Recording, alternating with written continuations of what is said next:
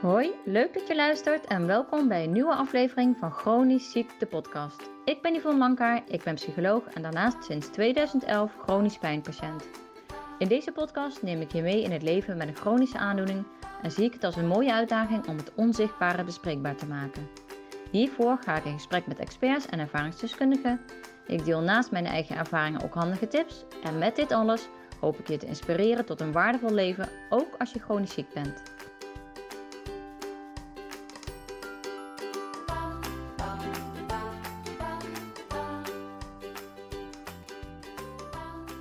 Ja, daar zijn we weer. En vandaag ga ik een aflevering opnemen over primair lijden en secundair lijden. Misschien heb je al eens eerder van de begrippen gehoord. Het wordt ook wel primair en secundaire pijn genoemd. En ik vind het wel mooi om dit onderscheid te bespreken, omdat je hiermee duidelijk kan maken dat je een deel van je lijden zelf in de hand hebt. Daar heb je controle over. Daar kun je iets mee. En in een wereld met chronische klachten waar je weinig controle hebt, en zeker nog minder controle ervaart waarschijnlijk, is het pakken van controle waar je het wel kan super belangrijk.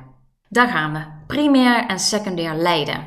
Waar heb jij nou het meeste last van? Is dat van je vermoeidheid of van je pijn of van andere fysieke klachten? Of is dat van de angst voor je pijn? Of de negatieve gedachten die je hebt over jezelf? Of de negatieve gedachten die je hebt omdat je moet stoppen met werken of dat je hebt moeten stoppen met werken. Of de angst voor de toekomst. Of het schuldgevoel wat je hebt naar de mensen om je heen. En daarmee maak ik eigenlijk al het verschil tussen primair en secundair lijden duidelijk. Want primair, dat zijn dus de klachten die rechtstreeks voortkomen uit jouw chronische aandoening. En het secundair lijden of de secundaire pijn, die komen eigenlijk voort uit die primaire klachten. Dus dan heb je het echt over uh, het verzet, het verlangen, de angst, het gemis, de boosheid, het verdriet. Dus als ik jou zou vragen, waar heb je nou het meeste last van? Is dan, zijn het dan jouw primaire klachten of je secundaire klachten? En ik kan me zo voorstellen dat jij nu antwoordt dat je primaire klachten, je primaire pijn of je primaire, het, het primaire lijden eigenlijk op de voorgrond staat en dat je daar het meeste last van hebt. Maar als ik nou naar mezelf kijk, dan is puur mijn rugpijn eigenlijk helemaal niet het grootste probleem. Of in ieder geval heel vaak niet. Kijk, op de meest heftige momenten dan wel. Maar als ik kijk naar hoe vaak die pijn echt niet te doen is. En ja, dat, dat, het dan, dat het zo heftig is dat ik er eigenlijk niet mee om kan gaan. Ja, dat is eigenlijk helemaal niet zo vaak. Maar heel vaak is het de frustratie dat ik iets niet kan doen. Of de frustratie en het verdriet dat ik een afspraak af moet zeggen. Of verdriet dat ik niet zomaar de auto kan pakken om op bezoek te gaan bij vrienden of bij familie. Of het last hebben van de gedachte dat ik tekort schiet. Daar heb ik eigenlijk veel meer last van. Dus als ik in de speeltuin sta en ik moet vanwege de rugpijn naar huis, dan is het meestal niet omdat ik verga van de rugpijn. Ja, het is wel zoveel dat ik dus niet kan blijven, want anders was ik wel gebleven. Maar ik zou ook kunnen denken: Jeetje, het is toch mooi dat ik even mee ben geweest naar de speeltuin. Dat voelt namelijk heel anders dan: Jeetje, moet ik hierin nu ook al afhaken? Wat ben ik toch een slechte moeder? Of wat ben ik toch een slechte partner dat mijn man dit iedere keer alleen moet doen? Ik schiet hierin tekort. En dat is het onderscheid tussen primaire pijn, in hoeverre is die rugpijn bij mij nou echt de meest belemmerende factor in mijn leven, of alles wat daaromheen zit, alle gevolgen van die rugpijn, alles wat ik daarover denk en voel.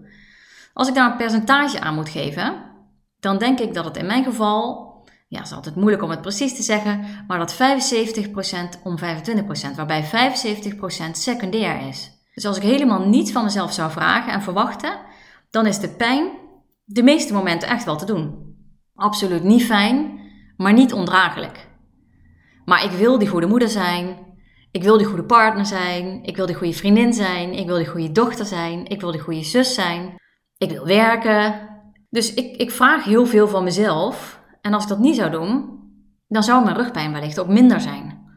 Maar ja, die lat ligt hoog. Dus nou ja, dat maakt dat ik soms verdrietig kan zijn, boos, gefrustreerd over die klachten. Maar in feite is dat allemaal secundair en in keuze. Natuurlijk, ik heb die rollen. Ik kan niet in één keer zeggen, nou dan eh, trek ik me terug als moeder. Maar je kunt daar wel keuzes in maken waar je de lat hoog legt en waar je hem iets omlaag legt bijvoorbeeld. Dus misschien liggen die percentages bij, bij jou wel heel anders. Zou natuurlijk heel goed kunnen. De ene pijn is de andere niet en de ene, uh, de, ene situatie is de andere niet. Maar uh, voel maar eens dat het ook een stuk beleving is.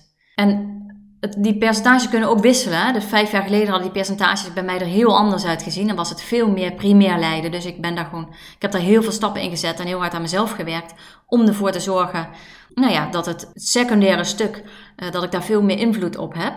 En daarmee wordt je primair lijden eigenlijk ook kleiner, want je leert omgaan met je klachten. Dus ik heb mijn grenzen leren bewaken. Ik heb beter voor mezelf leren zorgen. En daarmee is mijn uh, primaire lijden dus afgenomen. En mijn secundair lijden dus toegenomen. Maar mijn lijden in zijn algemeen eigenlijk afgenomen. Dus ik hoop dat je begrijpt wat ik bedoel. Mijn lijden algemeen is afgenomen. Ik heb minder pijn in zijn algemeen. Omdat ik beter voor mezelf zorg. En van de pijn die er is, is er een uh, kleiner stuk primair lijden. Omdat die rugpijn die er is, dat ik daar beter in voor mezelf weet te zorgen.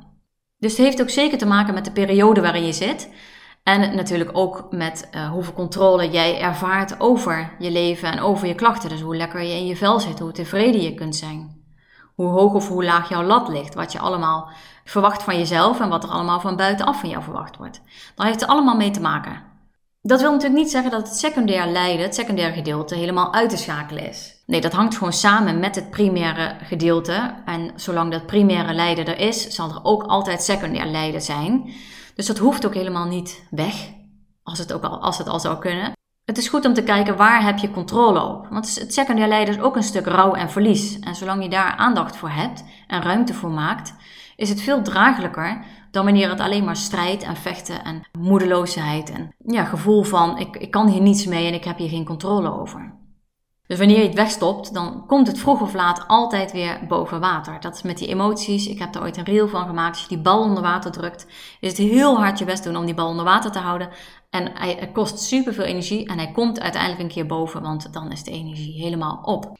En waarschijnlijk is dat op een moment dat het ontzettend slecht uitkomt. Dat is namelijk meestal zo. Wat wil ik hiermee zeggen? Er is een deel van je pijn te beïnvloeden. Voel je het verschil? Dus de pijn en de klachten die er zijn, en dat kan vermoeidheid zijn of fysieke klachten, die er sowieso zijn door je aandoening. Dat kan uh, overprikkeldheid zijn, dus uh, niet aangeboren hersenletsel, concentratieproblemen. Dat, zijn, dat is je primaire lijden. Maar alle oordelen die je daarover hebt, dat is secundair lijden. Primair lijden is er toch wel, dat zijn je chronische klachten. Niet te voorkomen, meestal niet. Soms is er wel een verergering te voorkomen. Dus je kunt het wel beïnvloeden door goede zelfzorg. Maar daar moet je wel de primaire pijn voor onder ogen durven zien. En secundaire pijn, die hoeft er dus niet per se te zijn. Als je primaire pijn weg zou zijn, zou die secundaire pijn of het secundair lijden, ik gebruik het een beetje door elkaar heen, ook weg zijn namelijk.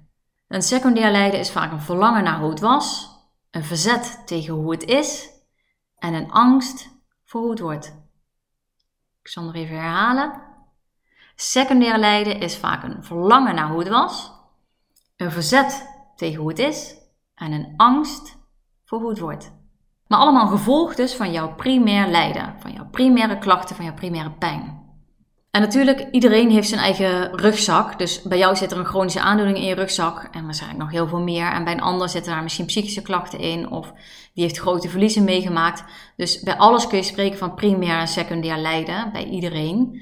Maar nu even dus in te zoomen op uh, chronische klachten als primair lijden. Als het jou lukt om in te zien wat jouw primair lijden is en wat jouw secundair lijden is, dan kun je daar dus ook keuzes in maken. Dan kun je daar dus in groeien, kun je jezelf daarin ontwikkelen. Ik deel graag nog even mijn grootste les op het gebied van primair en secundair lijden. Misschien heb je er wat aan, misschien herken je hem wel.